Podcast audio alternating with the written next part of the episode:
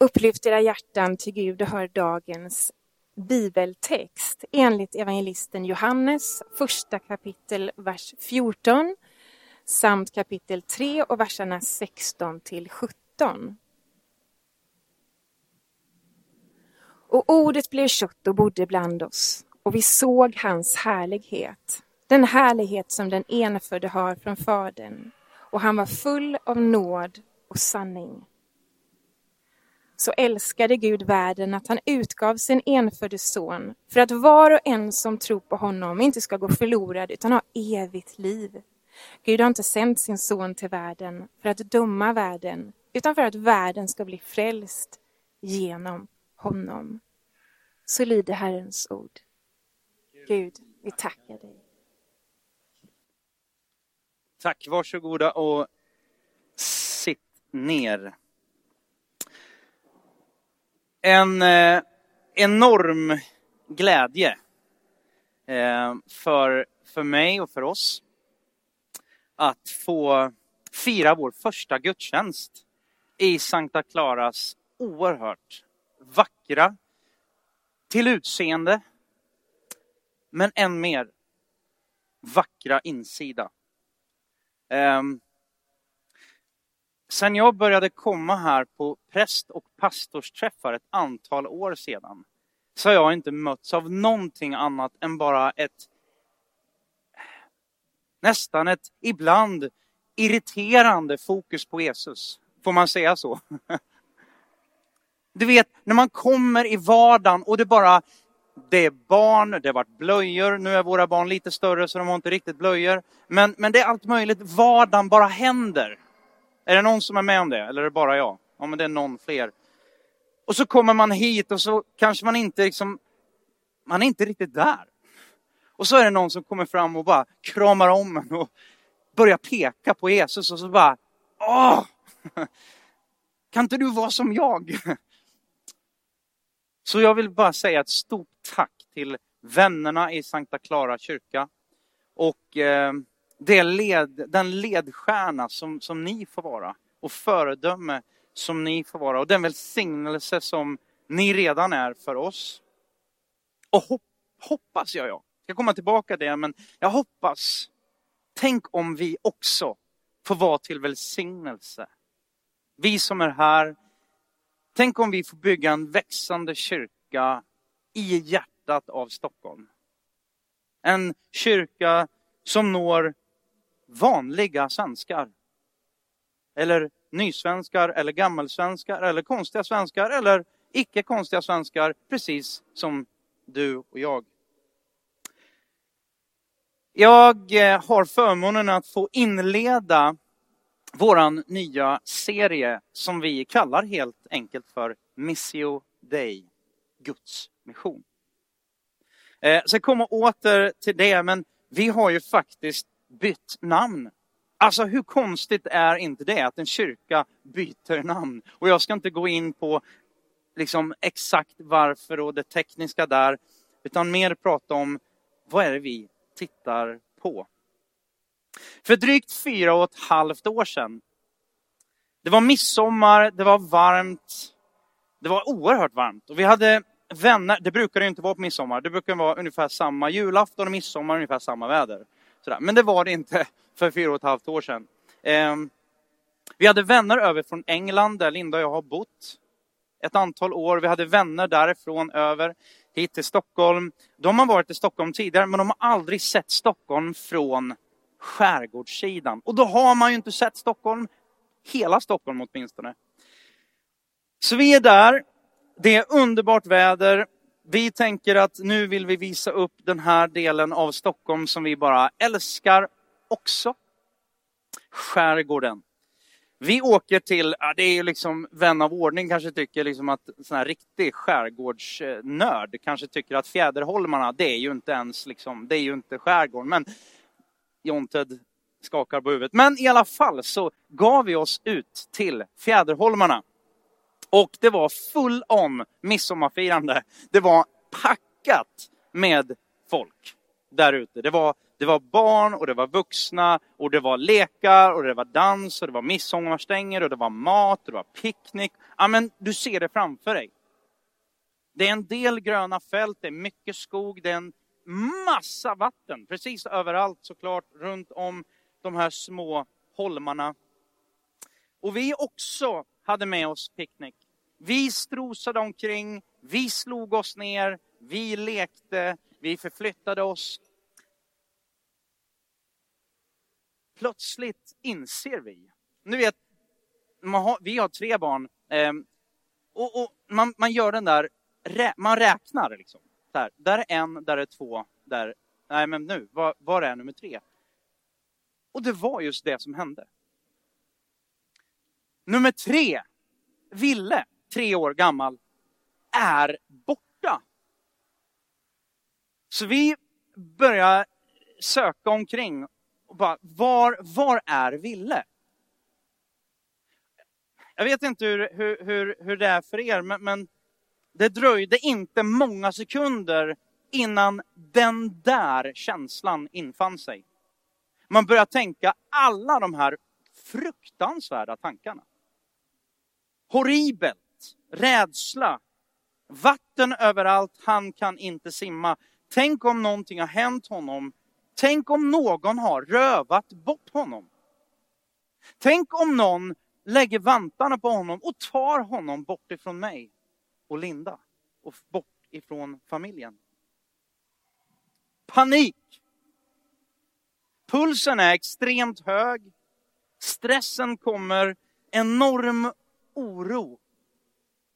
Vi letar, vi sprider ut oss och vi hittar inte Ville.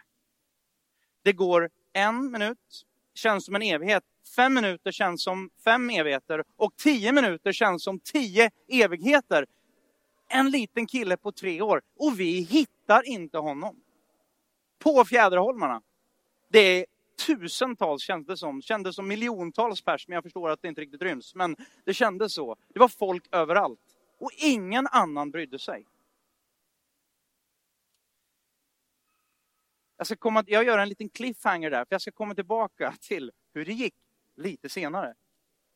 Men jag tänker så här, har man satt sin fot i kyrkan någon gång, kanske man till och med har läst evangelierna så tror jag kanske att man, eller har man läst evangelium så är det definitivt så, för då kommer man ju till Johannes evangelium och hör evangelisten Johannes prata om och säga Ty så älskade Gud, eller därför älskade Gud världen så mycket att han gav sin enfödde son.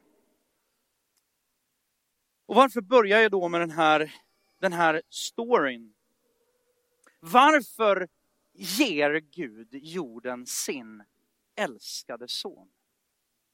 Varför gör Gud det här otänkbara? Att han sänder sin son. Och varför går sonen med på det här? Och jag tänker att det finns säkert en massa bottnar i allt det här och du har möjligtvis kanske hört en mängd förklaringar men jag tror att den här storyn om när Ville försvann och känslan som infann sig kan ge en fingervisning om vad Gud faktiskt kände. Vad Gud faktiskt kände och vad som föranledde honom till att ta det här beslutet. Och jag tänker så här att mitt i det där, då var ju inte det frågan, mitt på fjäderholmarna, frågan var ju inte bara, Alltså orkar jag verkligen gå runt den där dungen igen och kolla? Orkar jag gå ner till stenarna vid vattenbrynet igen och kolla? Alltså det är ju inte frågan. Frågan är bara, vad kan jag göra? Hur mycket kan jag göra? Och hur mycket kan jag göra? På hur kort tid kan jag göra det? Gud ställer inte frågan, orkar jag? Utan han säger, jag är beredd att göra vad som krävs. Jag är beredd att göra vad som krävs, ja, till och med själv gå i döden för att få förenas med sina älskade barn, med sin skapelse. Det är så klyschigt. Det blir så lätt klyschigt. Men för mig på Fjäderholmarna så var det allt annat än klyschigt att Ville var borta. Men sanningen är den att Bibeln säger gång på gång på gång att du och jag också har varit borta. Människosonen står det i Lukas till exempel. Människosonen har kommit för att söka upp och rädda, hitta det som var förlorat. Det som var förlorat. Missio Dei, Missio Dei och betydelsen av det.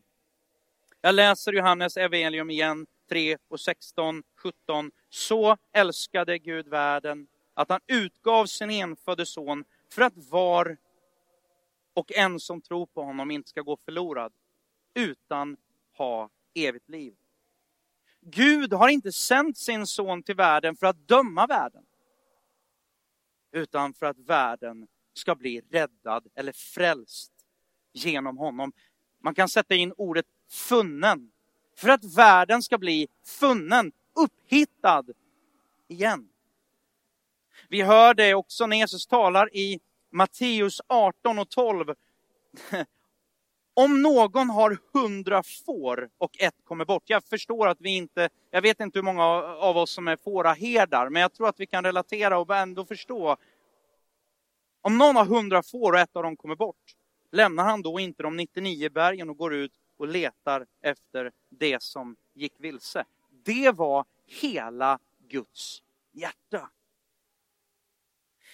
Lukas 19 och 10 i berättelsen han går förbi den här korrupta tullindrivaren och tjuven som heter Sackeus. Han är kort står det, han ser inte, han hör att Jesus ska komma.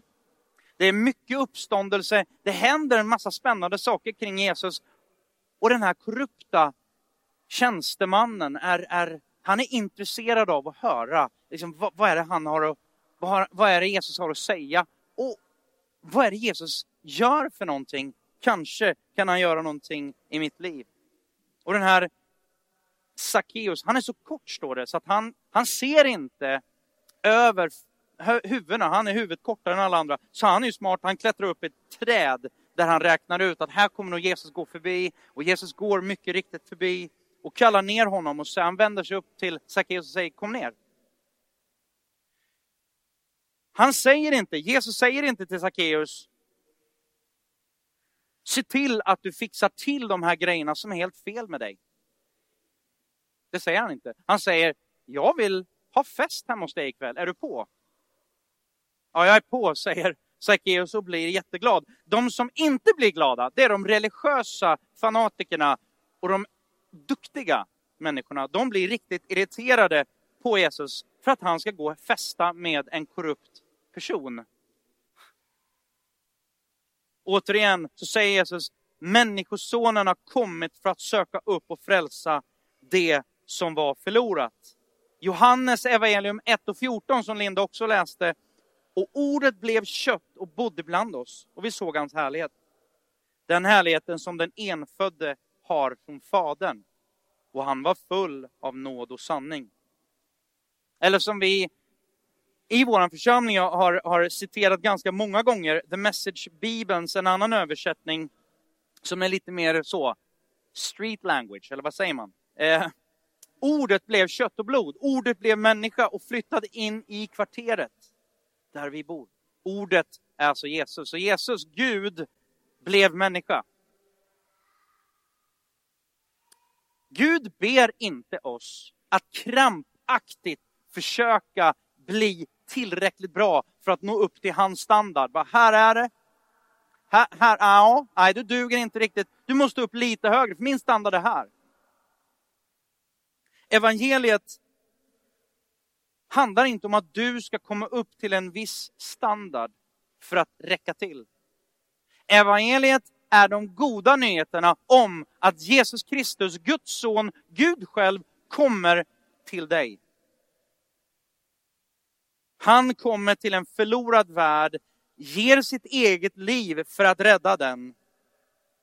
Missio Dei betyder missio betyder mission, dig, betyder Gud. Det är latin för Guds mission, Guds sändande, Guds tanke. Och jag skrev så här, Gud är en missionär. Ville, han sprang säkert omkring, han var tre år. Kommer tillbaka till resten av storyn om en stund, men han sprang säkert omkring och, och letade efter oss. Jag kan meddela att han var lyckligt ovetandes. Han var mest intresserad av att leka under tiden. Han var inte främst den som letade efter oss, men vi febrilt letade efter honom. Guds mission. Missio Dei, det är en teologisk term kan man säga. Den beskriver hur Gud, Fadern, sänder Sonen. Så Gud, Fadern, sände Sonen till världen. Jesus kom, han bodde i kvarteret där vi bor. Han flyttade in där. Men så står det också att när han var på väg att lämna oss, han dog, han lät sig dö, lät sig spikas upp på ett kors, dog för oss för att vinna relationen tillbaka med oss.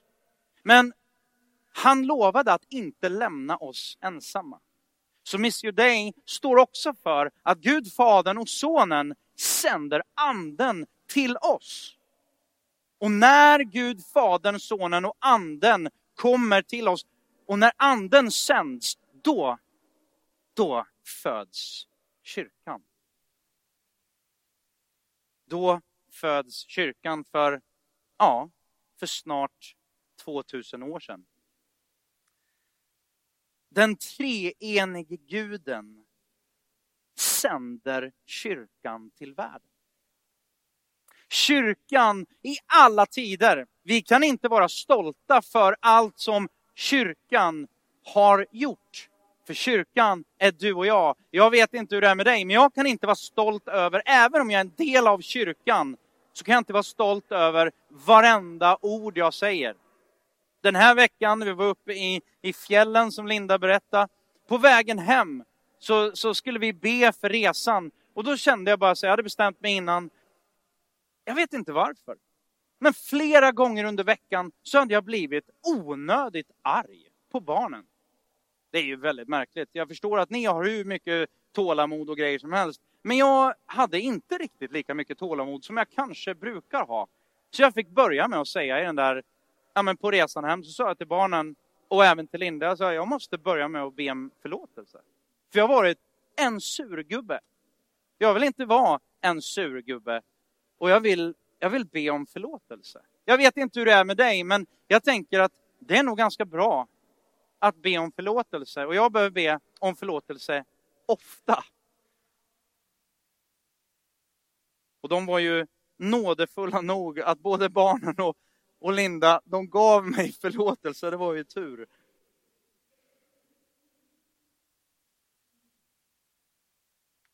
Kyrkan gör massa saker, jag gör massa saker, har gjort saker som vi inte är stolta över. Men Kyrkan har gjort en massa saker som jag är väldigt stolt över. Rent historiskt kan man titta, där kyrkan har dragit fram, där har det varit sjukhus, där har det varit färre fattiga. Där har det funnits universitet och skolor och en massa saker. Jag själv har fått nåden att vara med i södra Sudan och bygga upp en del skolor och en massa andra saker som kyrkan tillsammans, det här, någon sa ett afrikanskt ordspråk, om du vill gå snabbt, gå själv. Men om du vill gå långt, gå tillsammans. Det är kyrkan, tillsammans, långsiktigt. Kyrkan, den här kyrkan, den här kyrkobyggnaden, den har några år på nacken. Den fanns här innan du och jag fanns här. Och här har det, jag gick in i Westminster Abbey i London. Och jag eh, skulle ta mina föräldrar dit. Jag måste erkänna att jag, jag, tänkte mest så här, ja men det var ju en, en fin liten så här, eh, vad säger man? turistgrej att göra. Att ta mina föräldrar till Evensong en torsdagkväll eller vad det var för någonting som de har varenda kväll klockan 18 eller 17 eller någonting. Så kommer jag dit. På vägen in i Westminster Abbey så står det på den här platsen, ja det står inte på svenska då, men någonting i stil med på den här platsen har det betts böner till Gud i över tusen år. Det är liksom den skylten du passerar in sådär och bara oj, det har funnits här lite längre än mig. Kommer in, är med på den här gudstjänsten och under gudstjänsten så tar man och, och, och alla i gudstjänsten stämmer in i apostlarnas trosbekännelse. Apostoliska trosbekännelsen. Och mitt i allt det där så upplever jag som en knäpp på näsan. Där jag hade liksom kastat ut babyn med badvattnet. Allt, ja, men allt traditionellt och allt det gamla, liksom. ja, men det, var, det var förbi och det vi gör nu, det, det, det är något nytt. Och så bara upplevde jag som, jag upplevde som en knäpp på näsan från Gud. Där Gud bara påminner mig, så här, du, det är de som har varit här före dig och sannolikt kommer vara här efter dig. Det finns kanske ett och annat att lära sig. Missio Dei, Gud sänder sonen. Sonen och Gud Fadern sänder sonen, Gud Fadern och sonen sänder anden. Den treeniga guden sänder kyrkan. Kyrkan sänds till världen. Man kan läsa i Matteus evangelium, första kapitlet, vers 1, precis första liksom, raderna, eller första orden i Nya Testamentet. Så står det, då skriver Matteus så här, detta är berättelsen om Jesus Kristus, står det. Och orden som evangelisten Matteus inleder med är de grekiska orden biblos, geneosos. Alltså bibel, alltså bibel betyder berättelse, så berättelsen om, men genesis, som vi säger idag, eller genesis, geneseos, som det står då, Eh, kan inte grekiska, men tydligen så, så, så heter det så. Eh, det betyder början. Genesis betyder början. I den engelska bibeln så kallar man första Mosebok för Genesis.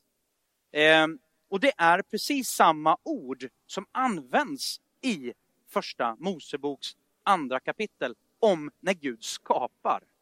Ja, han skapar ju både första och andra och då står det begynnelsen, det här ordet. Och det är alltså så en ny början. I och med Jesus så är det en ny början, för han anspelar ju på de orden som stod i första Mosebok första orden i, i hela Bibeln. En ny början. Gud sänder sin son för att skapa en ny början. En ny möjlighet. Han vill återupprätta relationen med människan. Så Missio Dei står för Guds mission. Gud är en missionerande Gud och följaktligen så är vi, kyrkan, ett missionerande folk. Och det här med mission. Ibland så tänker man att, ja men det är ju, så här, någon sa så här lite roligt, vad är definitionen av en missionär? Det är någon annan. någon annan som åker liksom sådär långt bort i stan. Så här, ja, nu var jag i södra Sudan, nu var jag en riktig missionär så här, i det djupaste. Och det är absolut så. Men du och jag är kallade att vara missionärer där vi är missionärer som är en del av Guds återupprättande av precis allting. Gud är en missionerande Gud. Och vi tror helt enkelt att vi som kyrka är del av Missio Dei. Vi är del av Guds mission. Det finns hur mycket som helst att säga om Missio Dei förstås. Förståelsen av missionsuppdraget som Missio Dei har idag anammats av kristna från i stort sett alla kyrkor och samfund, vilket också känns väldigt kul. För det är inte bara kul, utan värdefullt. För det är ett enande begrepp.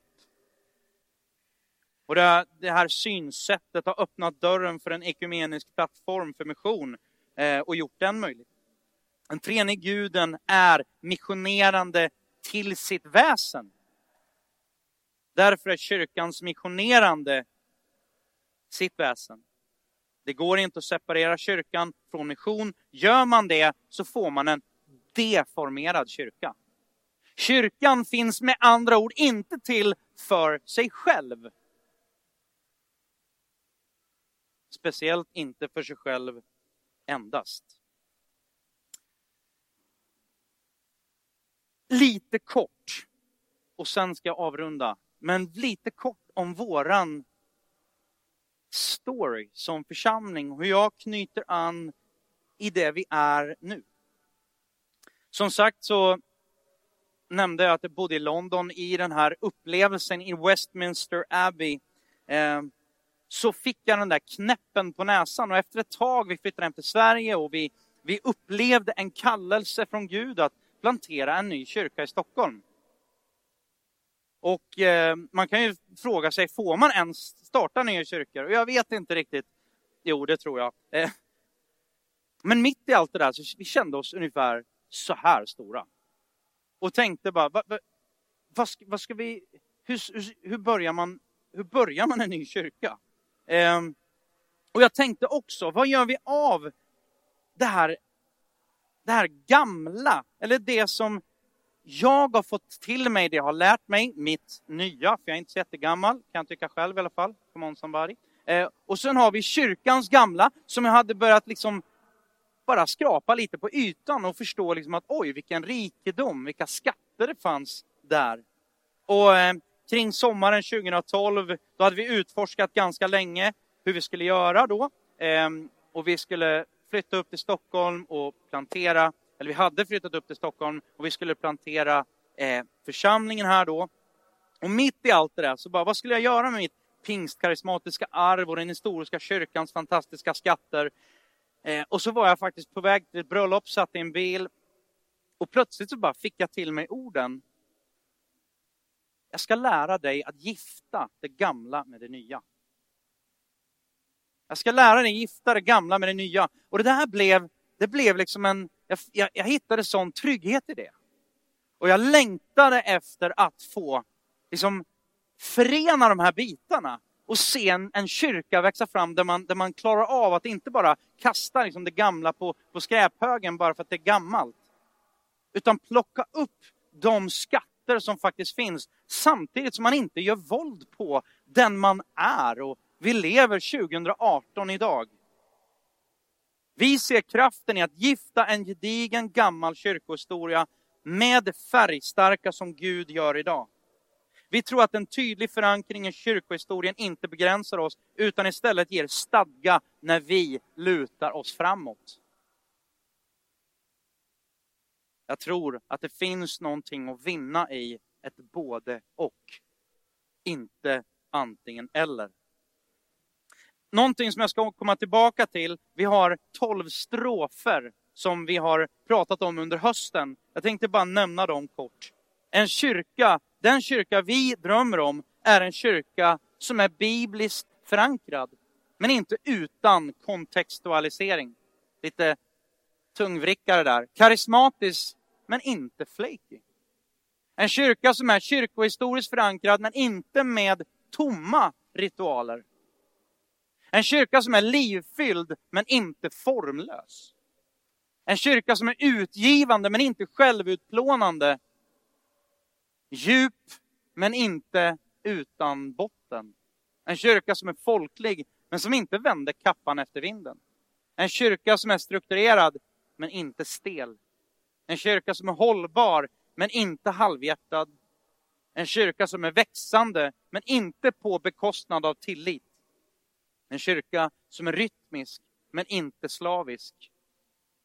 En kyrka som är passionerad, men inte hype. Vi tror att vi är del av Missio Dei, Guds mission. Och skulle jag få drömma lite grann om framtiden så önskar jag att den här gudstjänsten skulle få formas till en underbar, karismatisk gudstjänst med tydlig och samtidigt folknära liturgi och kultur.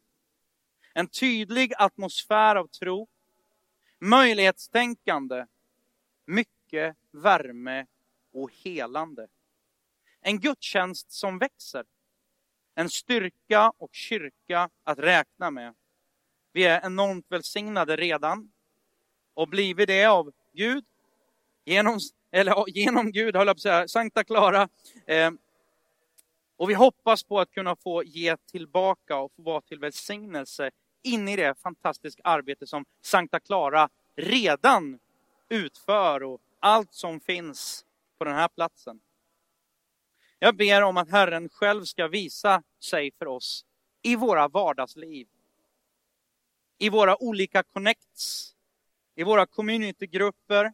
Inte minst att vi får smaka på Guds ande i gudstjänsterna. Jag ber Herre, hjälp oss att predika och träna ditt folk till att frukta och tjäna dig. Jag drömmer om att starta Alfa, eller kanske joina Alfa som är i den här församlingen i, i Sankta Clara kyrka. Diakonala team, lovsångsteam, skolsupporterteam, dansteam, inte dansband kanske främst, dramagrupper, bibel och lärjungaskola etc. etc. Vår dröm och vår bön är att Missio Dei-kyrkan får bli en plats där människor kan växa, bli använda av Gud genom sina gåvor, ta med sig sina vänner, bekanta till församlingsgemenskapen och höra och ta del av evangelium. Och få bli födda på nytt och låta sig döpas till Kristus. Om du vill vara med på den här resan framåt och se en kyrka växa fram i Stockholms hjärta är du mer än hjärtligt välkommen. Nu, slutet på storyn med Ville. Vi är i fullständigt upplösningstillstånd såklart. Vi har irrat runt, vi tycker att vi har tittat överallt och plötsligt ringer telefonen. Det var vår vän från England som, som där, där mamman i, i den familjen, hon hade gått iväg en stund till ett ställe där vi tidigare hade suttit. Hon satt där och skulle amma. Och plötsligt så får hon syn på treårige lilla Ville som hade letat sig tillbaka till dit vi var långt, långt tidigare. Och han undrade lite smått, han hade lekt färdigt och undrade lite smått vad hans mamma och pappa var. Helt ofullständigt, helt ovetande skulle jag säga, om vår enorma ångest. Vi var helt slut efteråt. Det märkliga var att på något sätt, alltså vi var, vi var euforiska. Om man har förlorat någonting och sen hittar det igen, då är det som att man är gladare efteråt för att man hittar det och man värderar det mer än innan man förlorade. Det står om oss. Det står i Bibeln om att Gud söker och han finner det som var förlorat. Och han säger att det är glädje i himlen för varje syndare som kommer hem till Gud. Och han söker dig. Du kanske har varit med i våran församling i fem år, så länge vi har haft och firat offentliga gudstjänster. Du kanske är en del av en annan församling. Du kanske inte är del av någon församling. Det kanske är ditt, din första gudstjänst någonsin eller på jättelänge. Bibeln visar oss att egentligen sitter vi i samma båt. Vi behöver alla hittas. Precis som Ville behöver du och jag hittas. Vi behöver hittas en första gång. Men vi behöver nog också hittas egentligen varje dag. Någon sa, nej det är inte jag som har hittat Gud, utan det är Gud som har hittat mig. Och jag stämmer in i det, jag tror att det är så. Det är inte primärt vi som söker Gud, utan det är primärt Gud som söker oss. Du kanske har blivit hittad, men kommit bort. Du kanske behöver, behöver bli hittad för första gången. Vilken situation du än befinner dig i så söker Gud dig. Och han bjuder dig in i gemenskap med sig själv. Vi ska fira nattvard alldeles strax. Och om du inser att Herren söker dig, om det så är för tionde gången, hundrade gången, tusende gången eller första gången, spelar mindre roll. Om du inser att Herren söker dig så vill jag verkligen uppmuntra dig att du responderar idag. Allt vi behöver göra är att låta honom göra det som bara han kan göra. Hitta dig. Gud välsigne er alla. Låt mig be innan Magdalena spelar och sjunger. Himmelske far, jag tackar dig. Jag tackar dig för att du söker oss. Jag tackar dig för att du inte ger upp Gud. Jag tackar dig för att du säger inte till oss, kom upp på min nivå. Utan du, du sänker dig. Du kom ner till oss. Himmelske Fader, du som är, du som själv är missionär. Du som själv söker. Vi vet att du också finner. Och jag ber för varje hjärta här just nu. Mitt hjärta. Jag behöver bli hittad idag igen. Jag behöver få komma hem. Jag ber för varje hjärta som aldrig har hittat hem, inte fullt ut. Jag ber, jag ber att varje hjärta, varje hjärta skulle få respondera.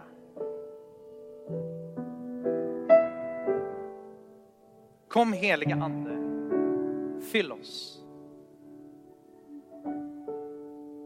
Hjälp oss. Hjälp oss hitta hem. Herre, jag ber om din välsignelse över Missio Dei-kyrkan. Jag ber om din välsignelse över våra drömmar. Och jag ber att du ska ge oss dina drömmar. Herre, vi vill inte springa före och sen be dig välsigna det vi gör. Herre, vi vill gå i det som du har förberett. Förberedda gärningar och göra saker som du redan, en väg som du redan har välsignat.